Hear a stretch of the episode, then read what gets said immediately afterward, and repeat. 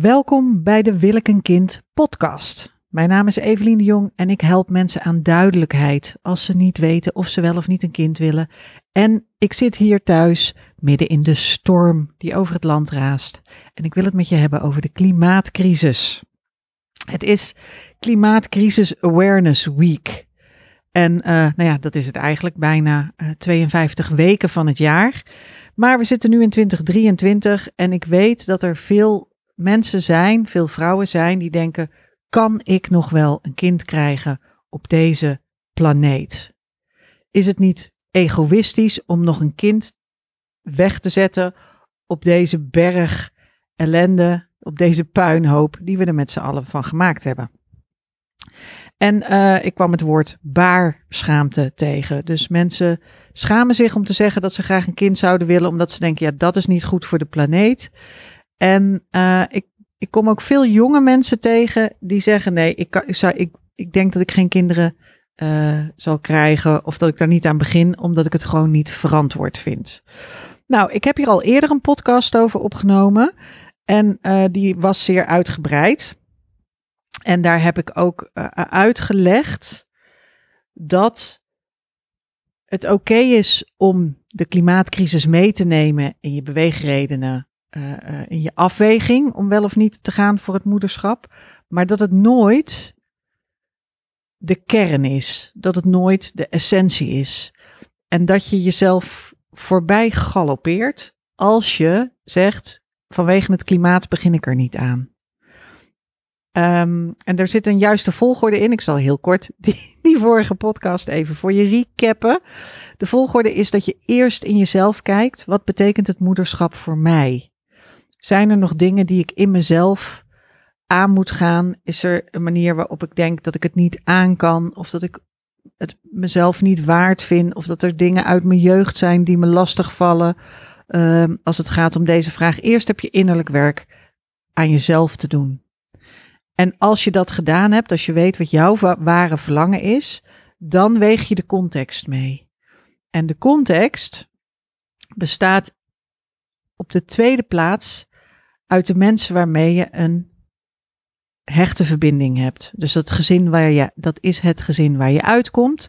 En dat is het gezin dat je wil gaan oprichten. Of dat dat nou jou in je eentje is, of een gezin met een kind en uh, jij nog als autonome persoon, of met een co intentioneel co-ouderschap, of met een donor, of uh, zonder kind, of een pleegkind. Dat maakt niet uit, maar het gaat dan om de relatie die je hebt met de mensen om je heen. Dat is nummer twee. Dus eerst in jezelf, dan de anderen. En dan ga je nog eens kijken naar de context. En dan heb je nog de context waar je zelf invloed op kunt uitoefenen. En dat kun je op het klimaat ten dele. Maar het hele vervelende aan de klimaatcrisis, crisis, dat het je zo machteloos maakt, dat komt omdat je er helemaal geen regie over hebt. Je staat erbij, je kijkt ernaar en je kunt er alleen maar wakker van liggen. En je, je bent zelf niet in staat om eigenhandig dit te veranderen. Er zijn natuurlijk wel hè, visionairen en pioniers en helden die zich daarvoor inzetten en hun leven daaraan wijden en ook verandering teweeg brengen. Maar we gaan er nu even vanuit dat jij uh, in jouw bescheiden, um, ik wil zeggen bol, hoe noem je dat? In jouw bescheiden cirkel, maar heel beperkt invloed hebt op klimaatverandering. En ik ben nog niemand tegengekomen die eigenhandig alles kan rechttrekken. Externe factoren waar je wel zelf over gaat zijn bijvoorbeeld hoe je woont, het werk dat je doet, um, of dat je het kunt betalen om moeder te zijn. Uh, of dat je je familie sociaal vangnet in de buurt hebt. Um, of, dat, of dat je het huis waar je woont in een omgeving staat waarvan je denkt, nou, hier, zie ik wel, uh, hier kun je wel met een kind over straat. Dat zijn allemaal externe factoren die meespelen. Maar dat is de volgorde. Eerst jezelf, dan de relaties met de, met de mensen om je heen. En daarna die externe factoren. En daarna het grotere plaatje. En dat is het klimaat. Maar goed, ik snap de, ba de baarschaamte heel goed. En ik denk ook, wat ik ook tegenkom, is dat mensen, juist omdat ze zo betrokken zijn, omdat ze zo bezig zijn met het klimaat, omdat ze zich erin verdiepen, hebben ze er meer last van. En als ik heel persoonlijk moet ik zeggen dat ik. Uh, wij hadden de gewoonte, ik heb twintig jaar lang in een woongroep gewoond. Wij hadden de gewoonte om na het eten met z'n allen het NOS-journaal te kijken. En dan zaten wij linksige dingen te roepen vanaf de bank naar het NOS-journaal. En daarna keken we CS to the dress of uh, first dates. Maar goed, je moet het ook allemaal een beetje in evenwicht zien. Maar ik was zeer uh, geëngageerd. Ik las twee of drie kranten. Ik keek het NOS-journaal en dat deed ik iedere dag. En toen ik een kind kreeg, kon ik dat niet meer. Dus dat klinkt heel gek. Ik heb een ander stuk gelezen over klimaatverandering en een moeder die zich extreem veel zorgen ging maken en zei: "Oh, weet je wel, alles komt extra hard binnen." Nou, wat ik deed, omdat alles dus extra hard binnen uh, komt, wat er gebeurde was dat als ik iets, als ik wel naar het journaal keek en ik zag dat er vluchtelingen omgekomen waren omdat ze vastzaten in een vrachtwagen, dan was ik van slag en dan ging ik huilen en dan liet het, liet het me ook niet meer los dan keek ik naar mijn baby en dan denk ik, hoe kan dit? Hoe kan dit, hoe kan deze planeet zo fucked up zijn dat we in deze situatie zitten? En hoe kan er iedere avond weer een half uur bak ellende over je uitgestort worden? En uh, ik moet zeggen dat ik heb een abonnement op NPO Start en ik zou op zich naar het journaal kunnen kijken, maar ik doe het niet. En ik lees de krant wel, maar ik scan. En ik vind het zo erg dat er nu uh, twee oorlogen zijn. Op, aan de zijkant van Europa. Er zijn heel veel oorlogen, die zijn overal. Maar daar kan ik dan nog enigszins mijn ogen voor sluiten, omdat het zo ver weg is. Maar nu, uh, Oekraïne is in de buurt, Israël, Palestina is in de buurt.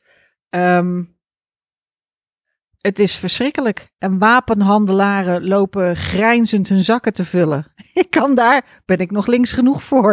Er is een, een organisatie die heet Stop Wapenhandel. Kun je geld aan doneren. Um, maar ik, maar ik, ik val erover stil omdat ik Inademen, uitademen. Omdat zo'n klimaatcrisis, je kan jezelf er helemaal in laten verdwijnen. En daar heeft mijn kind helemaal niks aan. Uh, en de mensen om me heen ook niet. En jullie ook niet. Want dan moet ik hier huilend.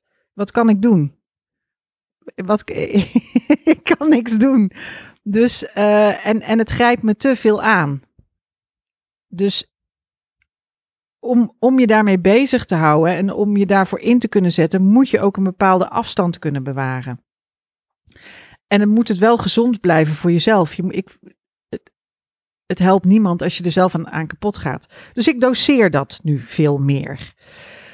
Maar ik kan me goed voorstellen, zeker als het heel erg leeft en als het ook, hè, dus als het ook uh, in jouw sociale omgeving heel erg leeft, dat je dan baarschaamte ervaart. En dat je denkt van ja, kan ik nog wel een kind op de wereld zetten? En dat je van mensen hoort van nou, weet je wel, over 50 jaar uh, zijn we allemaal vervloekt.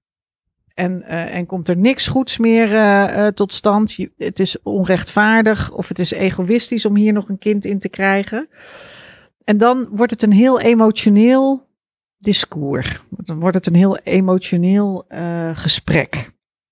Vertoog die baarschaamte, die klimaatcrisis, er zijn verschillende aspecten aan de klimaatcrisis. Ik heb me er dus niet extreem in verdiept, dat begrijp je, want ik kan er niet goed tegen. Maar ik maak me er wel zorgen over en ik vind ook sommige dingen onzin. Dus ik, wij zijn ook nog gaan vliegen en ik, het stuit me tegen de borst. En ik baal ervan dat je niet goedkoper met de trein ergens heen kunt. En um, ik heb in die woongroep, was het heel makkelijk om heel geëngageerd te zijn, want daar waren we met z'n allen heel geëngageerd.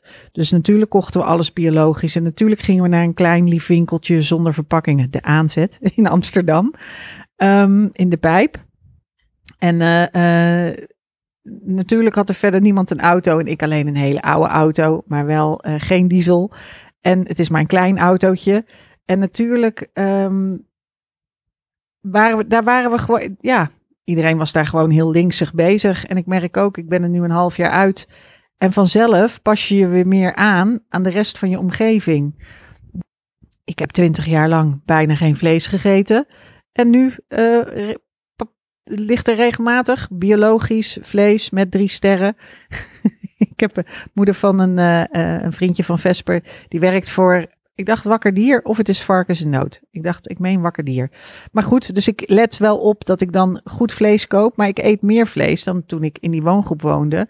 Waar we nooit vlees aten. Dus de, de invloed van anderen op, op je beleving en op, de, en op je gedrag is ook groot. Je doet mee met de groep waar je in zit. Als de groep waar je in zit praat over baarschaamte en je kunt geen kinderen meer krijgen en het is egoïstisch, dan is het dus heel belangrijk om te kijken waar hebben we het over als we het hebben over een klimaatcrisis en wat zijn de feiten. Nou, die klimaatcrisis gaat over uh, de CO2 vaak, over de zeespiegelstijging en over dat alle weertypes extremer worden. En nou zijn er een aantal feiten. Ik weet dat toen ik net mijn relatie kreeg met mijn grote liefde, waar ik nu nog steeds een relatie mee heb, die zei toen: Ik wil geen kind, want er zijn al genoeg kinderen op de wereld, dus ik hoef zelf geen kind. En dat was voor hem een, goed, een goede, makkelijke manier om te zeggen: Val me niet lastig met die kinderwens. Ik ben daar nog niet aan toe.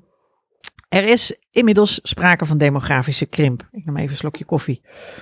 Uh, en ik heb ook net uh, in, de, in het NRC een heel stuk gelezen over, dat lees ik dan weer wel, over duurzaam koffie drinken. Want ik heb dus een espresso-apparaat. En uh, nou ja, die cups, dat kan natuurlijk helemaal niet. Dus ik dacht al, ik heb ook nog een, een, koffiefilterapparaat. Ik denk, ik moet die koffiefilters weer uh, afstoffen. Maar nou blijkt, en dat is ook altijd het geval bij mij, dat je veel te veel koffie zet als je zo koffie zet. Terwijl hier maak ik alleen de kopjes die ik drink. En dan uh, uh, zijn die cups dus beter voor het milieu. en het is ook super gemakkelijk. Demografische krimp. We krijgen met z'n allen 1,6 kind op het moment in Nederland. En om de bevolking op peil te houden, moeten we met z'n tweeën 2,1 kind krijgen. Ik ken mensen met drie kinderen, zijn over het algemeen uh, welgestelde mensen. Want dan moet je ook maar kunnen betalen in ruimte en tijd en geld. Uh, drie kinderen. Maar wij krijgen dus gemiddeld gezien 1,6 kind. Dus er is demograf demografische krimp. Uiteindelijk ligt het aan het systeem. En het ligt aan je eigen gedrag. Dat zijn zeg maar de ingrediënten als het gaat om CO2, uh, eh, om zeespiegelstijging en om extremer klimaat. Stel dat je daar iets aan zou willen doen. Het is heel interessant dat mensen zeggen, ja, je kunt geen kind krijgen. En dan zijn er eigenlijk twee redenen waarom je geen kind zou kunnen krijgen vanwege het klimaat. En de eerste reden is dat het klimaat zo aan het veranderen is dat het slecht is om er een baby in te leggen. En daarvan is de ironie dat wij het hier relatief goed hebben. Dus um, uh, Peter uh, Kuipers-Munneke, die zegt, die, die, houdt zich ook veel bezig met klimaatverandering. Die zegt, nou ja, in Nederland moeten we er rekening mee houden dat dingen uh, veel natter zullen worden en veel droger. Dus het gaat en veel heter worden en er zullen grotere bakken met water naar beneden komen.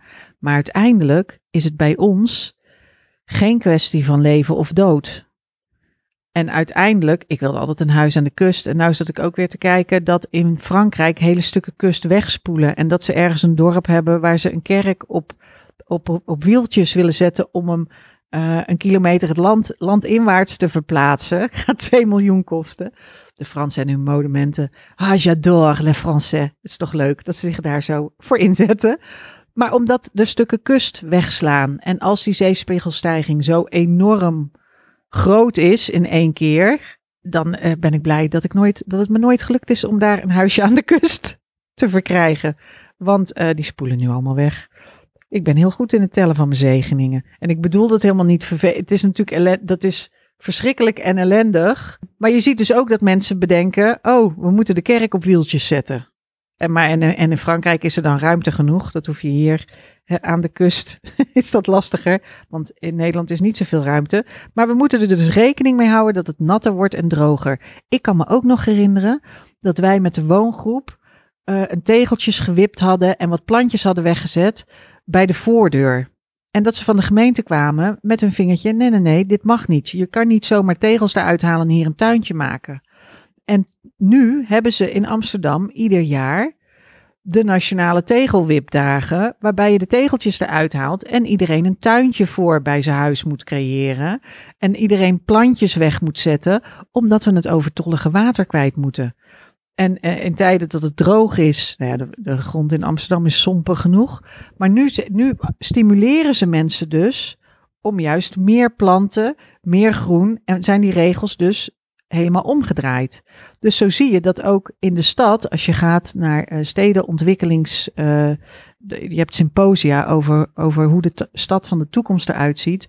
Dan zie je dus dat mensen denken: oh, maar we moeten het koel kunnen houden in de zomer. We moeten de, het water kunnen opvangen uh, in het regenseizoen. Dus we krijgen meer, hè? ik kan ook zeggen Nederland altijd regenseizoen. Maar um, om daar rekening mee te houden. En je ziet ook in Amsterdam bijvoorbeeld dat alle autowegen fietspaden zijn geworden. Dat parkeerplaatsen groenplaatsen worden en ook fietsparkeerplaatsen worden. En die, dat is in, in de twintig jaar dat ik hier woon, is dat enorm veranderd al. En dat soort aanpassingen zul je dus in Nederland meer zien. Die, die hebben ook te maken met klimaatverandering. Uiteindelijk um, is die demografische, dus de, het argument van mensen, je kunt hier geen kind uh, neerzetten. Oh ja, dat wilde ik zeggen. Je kunt hier geen kind neerzetten, want de veranderingen in klimaat zijn slecht voor het kind. De ironie is, is dat dat rondom de Evenaar op andere locaties op de planeet absoluut waar is.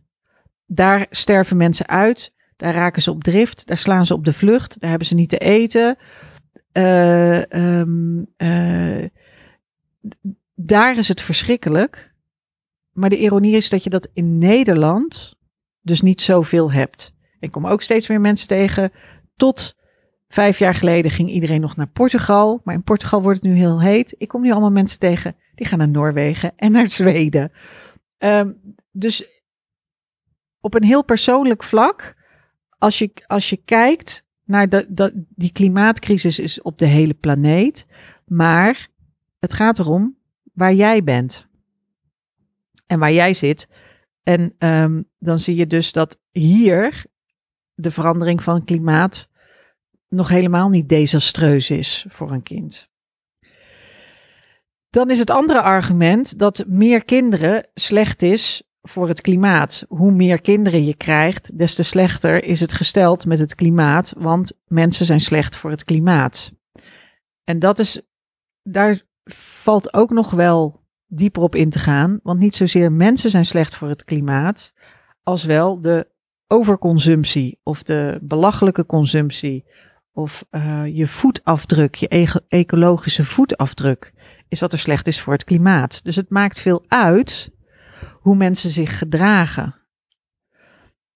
Dus niet ieder kind is even slecht voor het klimaat. En ik heb ook al jonge mensen horen zeggen: ik was toen naar Population Boom. Als je die documentaire kan vinden, hele interessante documentaire over uh, de overbevolking. Bij die documentaire sprak ik twee jonge vrouwen die zeiden: ja, maar één kind krijgen in een westers land weegt twaalf keer zo zwaar qua vervuiling als een kind krijgen in een land waar ze niet allemaal vliegen en, uh, en allemaal een eigen computer hebben, of misschien wel allemaal drie eigen computers. Dus meer kinderen, slecht voor het klimaat, zeker. Dat gaat eigenlijk niet zozeer over het kind als wel over consumeren. Dus dat ligt aan je gedrag. Ironisch, die veranderingen in klimaat, die hebben desastreuze gevolgen, maar niet in Nederland. In Nederland is het misschien wel vervelend en we gaan er ook zeker last van krijgen. Het wordt hier natter en droger.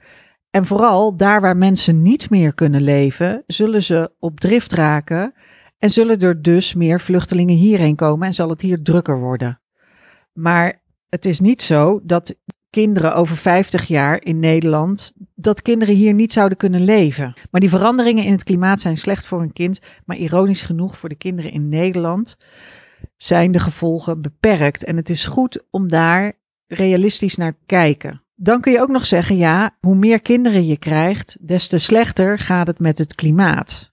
Maar het klimaat gaat niet zozeer over demografie en over de bevolking. Het gaat over het gedrag van de bevolking. Dus de dames die ik tegenkwam bij die documentaire Population Boom, Die zeiden: Wij kunnen hier geen kind krijgen, want één kind krijgen in de westerse wereld is zoveel schadelijker voor het milieu dan wanneer je een kind krijgt in een land waar ze niet allemaal drie eigen computers hebben en een eigen huis en eh, eh, zes eigen uh, hobby's en fietsen en weet ik veel allemaal en allemaal cadeautjes van de action en van die vervelende uitdeeldingen. Een rijk kind weegt veel zwaarder voor het milieu, in de, in de kosten van het milieu, dan een kind dat, dat in armoede opgroeit en helemaal niet die voet, ecologische voetafdruk heeft. Ook daar voel je wel dat dat ligt dus aan je eigen gedrag. En dan hangt het er dus ook nog af of dat je één kind neemt, of twee kinderen, of drie kinderen. Wat interessant is als je hierover wil praten, want daar wil ik deze podcast over maken. Als je hierover wil praten, dan zijn er een aantal dingen die je kunt bespreken. Als je gekeken hebt naar wat wil ik werkelijk zelf, hoe zit het in mijn relaties met anderen, het gezin waar ik uitkom met mijn liefde. Alle andere externe factoren zijn ook allemaal onderwerp van gesprek. En één onderwerp van gesprek kan ook zijn de klimaatcrisis en de planeet. En dan hebben we het over doemscenario's. Ik aarzel een beetje om dat woord te gebruiken, want ik ben bang dat de, de doemscenario's realistisch zijn. Ik moet erom lachen, omdat je, ja, anders moet ik erom huilen. En dat klinkt ook zo treurig op de podcast. Uh, doemscenario's over de toekomst. En ik heb ook wel van die hele zwartgallige films wel gekeken. Grappig genoeg, toen ik zwanger was, heb ik ook hele ellendige boeken gelezen en hele ellendige films gekeken. Uh, en sinds mijn kind er is, doe ik dat dus niet meer. Ik weet niet, daar moet ik nog eens onderzoek naar doen. Het is interessant eigenlijk. Maar die doemscenario's, die gaan soms over de toekomst. Of meer specifiek over de toekomst van de planeet. En eigenlijk zou je willen kijken, dus niet alleen naar de toekomst van de planeet, maar wil je vooral kijken naar de toekomst van Nederland. En dan wordt het dus veel natter en het wordt veel droger.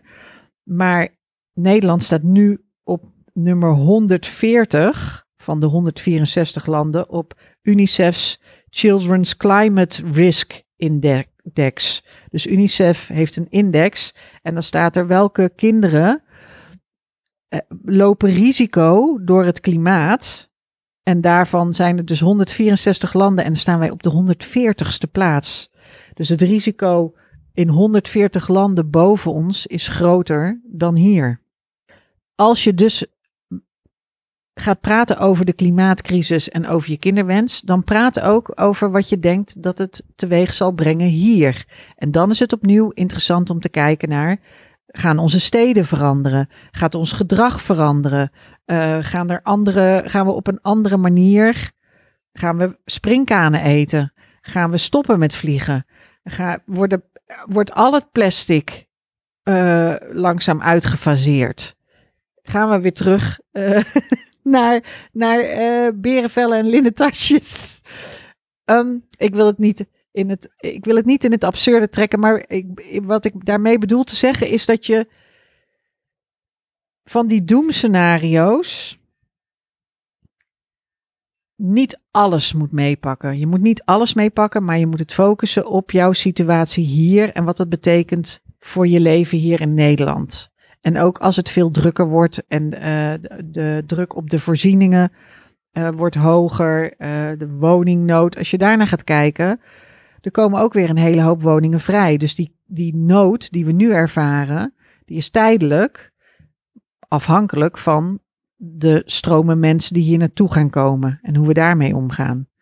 En ja, of dat we met z'n allen kweekvlees gaan eten en springkanen gaan eten, waarschijnlijk wel dat zijn interessante dingen om naar te kijken. Net zoals dat je dus ziet dat de gemeente eerst zegt nee, geen, je mag niet zomaar gemeentelijke tegels eruit halen. En daarna dat ze iedere, ieder jaar een dag organiseren van kan iedereen uh, even zijn eigen steentje wippen en bijdragen om een plant neer te zetten. Want we krijgen het gemeentelijk groen anders niet uh, op to speed aangelegd. Doemscenario over de toekomst maakt dat dus heel pinpoint dat veel meer naar Nederland dan het doemscenario over de tijd. Het is nu zoals het nu is. Dus nu zie je misschien meer stormen, het wordt natter, het wordt uh, droger. Uh, nou, uh, je zou bijvoorbeeld, misschien hou je van nat naturistisch kamperen en, en ga je daarom altijd naar warme oorden. Je zou kunnen verzinnen dat dat nu in Nederland, dat er nog ruimte is voor ecologische naturistische campings omdat het hier in de zomers ook warmer gaat worden. Het is nu zo. Hoe gaat het hier over Nederland zijn? Over in Nederland zijn over 20 jaar? Hoe gaat het in Nederland zijn over 50 jaar? Dus de factor tijd, als je kijkt over 20 jaar en dan is je kind 20, als je kijkt over 50 jaar en dan is je kind 50, uh, nou ja, hè, of het duurt nog een paar jaar voordat je zwanger bent, maar hoe, hoe oud ben jij dan en hoe oud zou je kind dan zijn en wat voor, voor, voor scenario kun je in de tijd schetsen? Nou, deze podcast gaat, dat uh, zou ik bijna uit het oog verliezen. Deze podcast gaat over hoe je betere gesprekken kunt voeren over je kinderwens en de klimaatcrisis. Als je uh, gesprekken voert, dan zijn dat altijd meerdere gesprekken. Er is dus niet maar één gesprek over je kinderwens. Dit is misschien, dit is een van de um, hardnekkige misverstanden die ik tegenkom. Dat mensen denken, oh, ik moet een gesprek hebben over, ik wil dat kinderwensgesprek goed voeren. En dat het dan één gesprek zou zijn. Het is een reeks van gesprekken.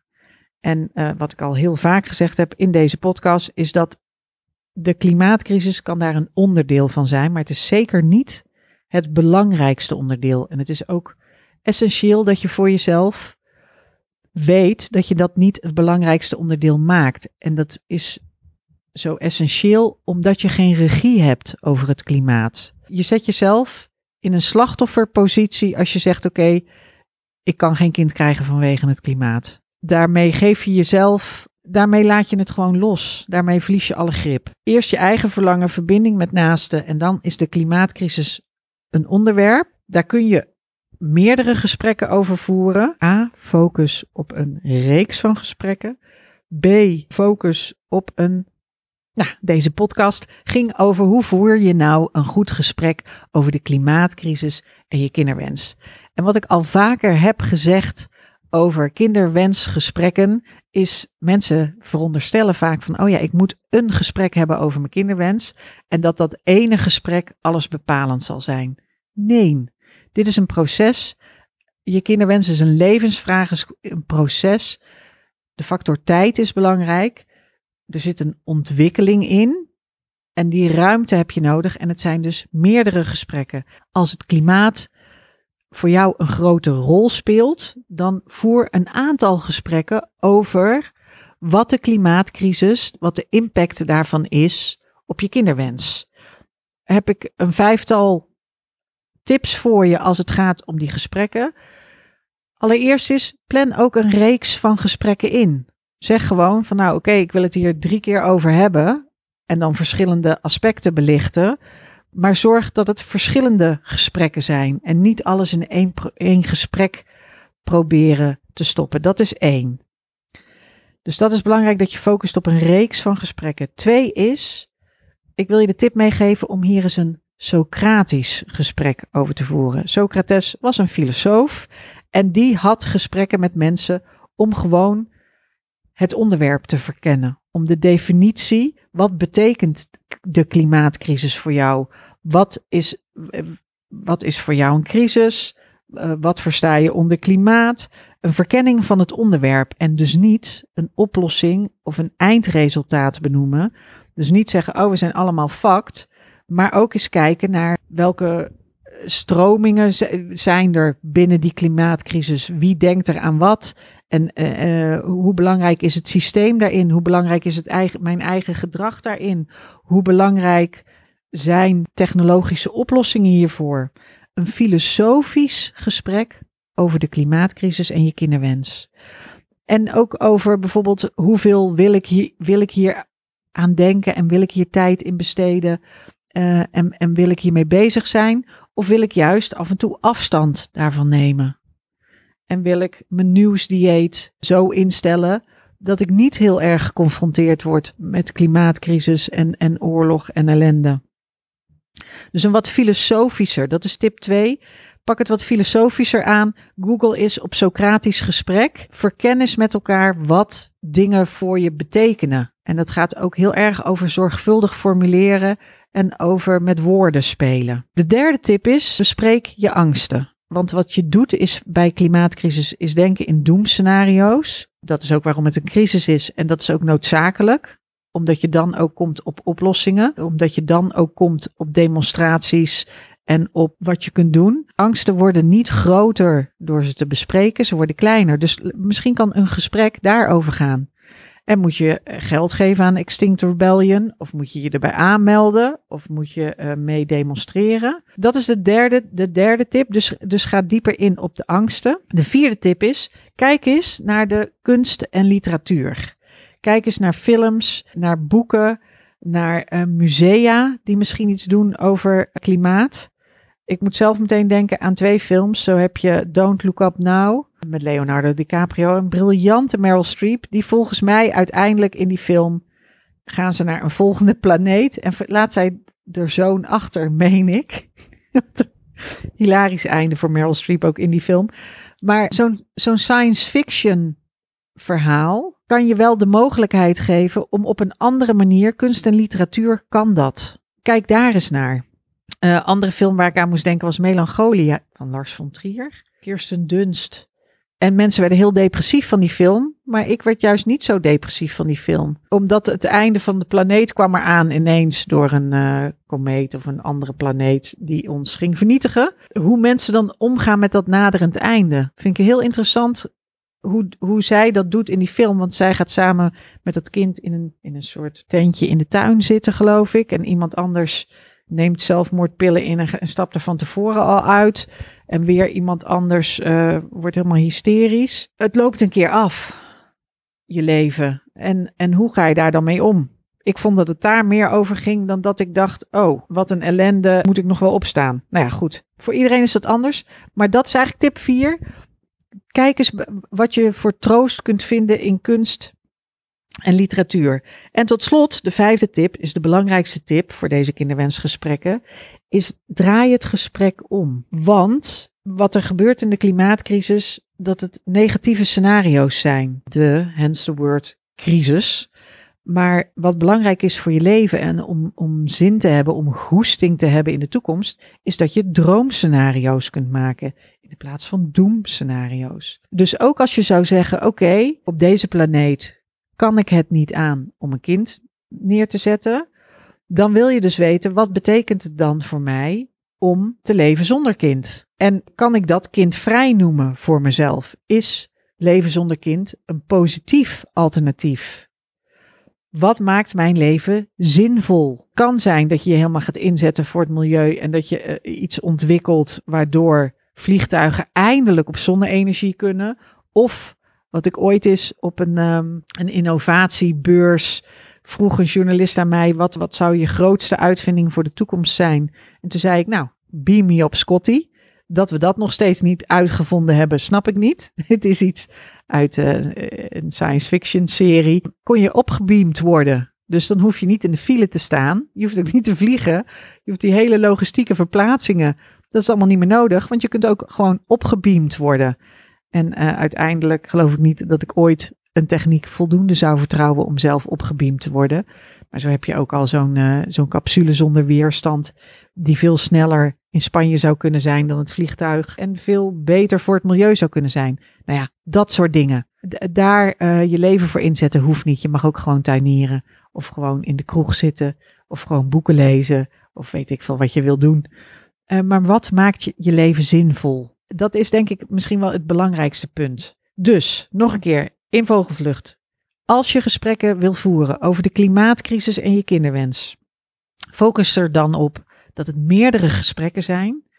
Voer bijvoorbeeld ook eens een Socratisch gesprek over wat dingen voor je betekenen, zonder oplossing, zonder resultaat, zonder dat iemand gelijk heeft of zonder dat je een conclusie verbindt, maar gewoon een verkenning van het onderwerp.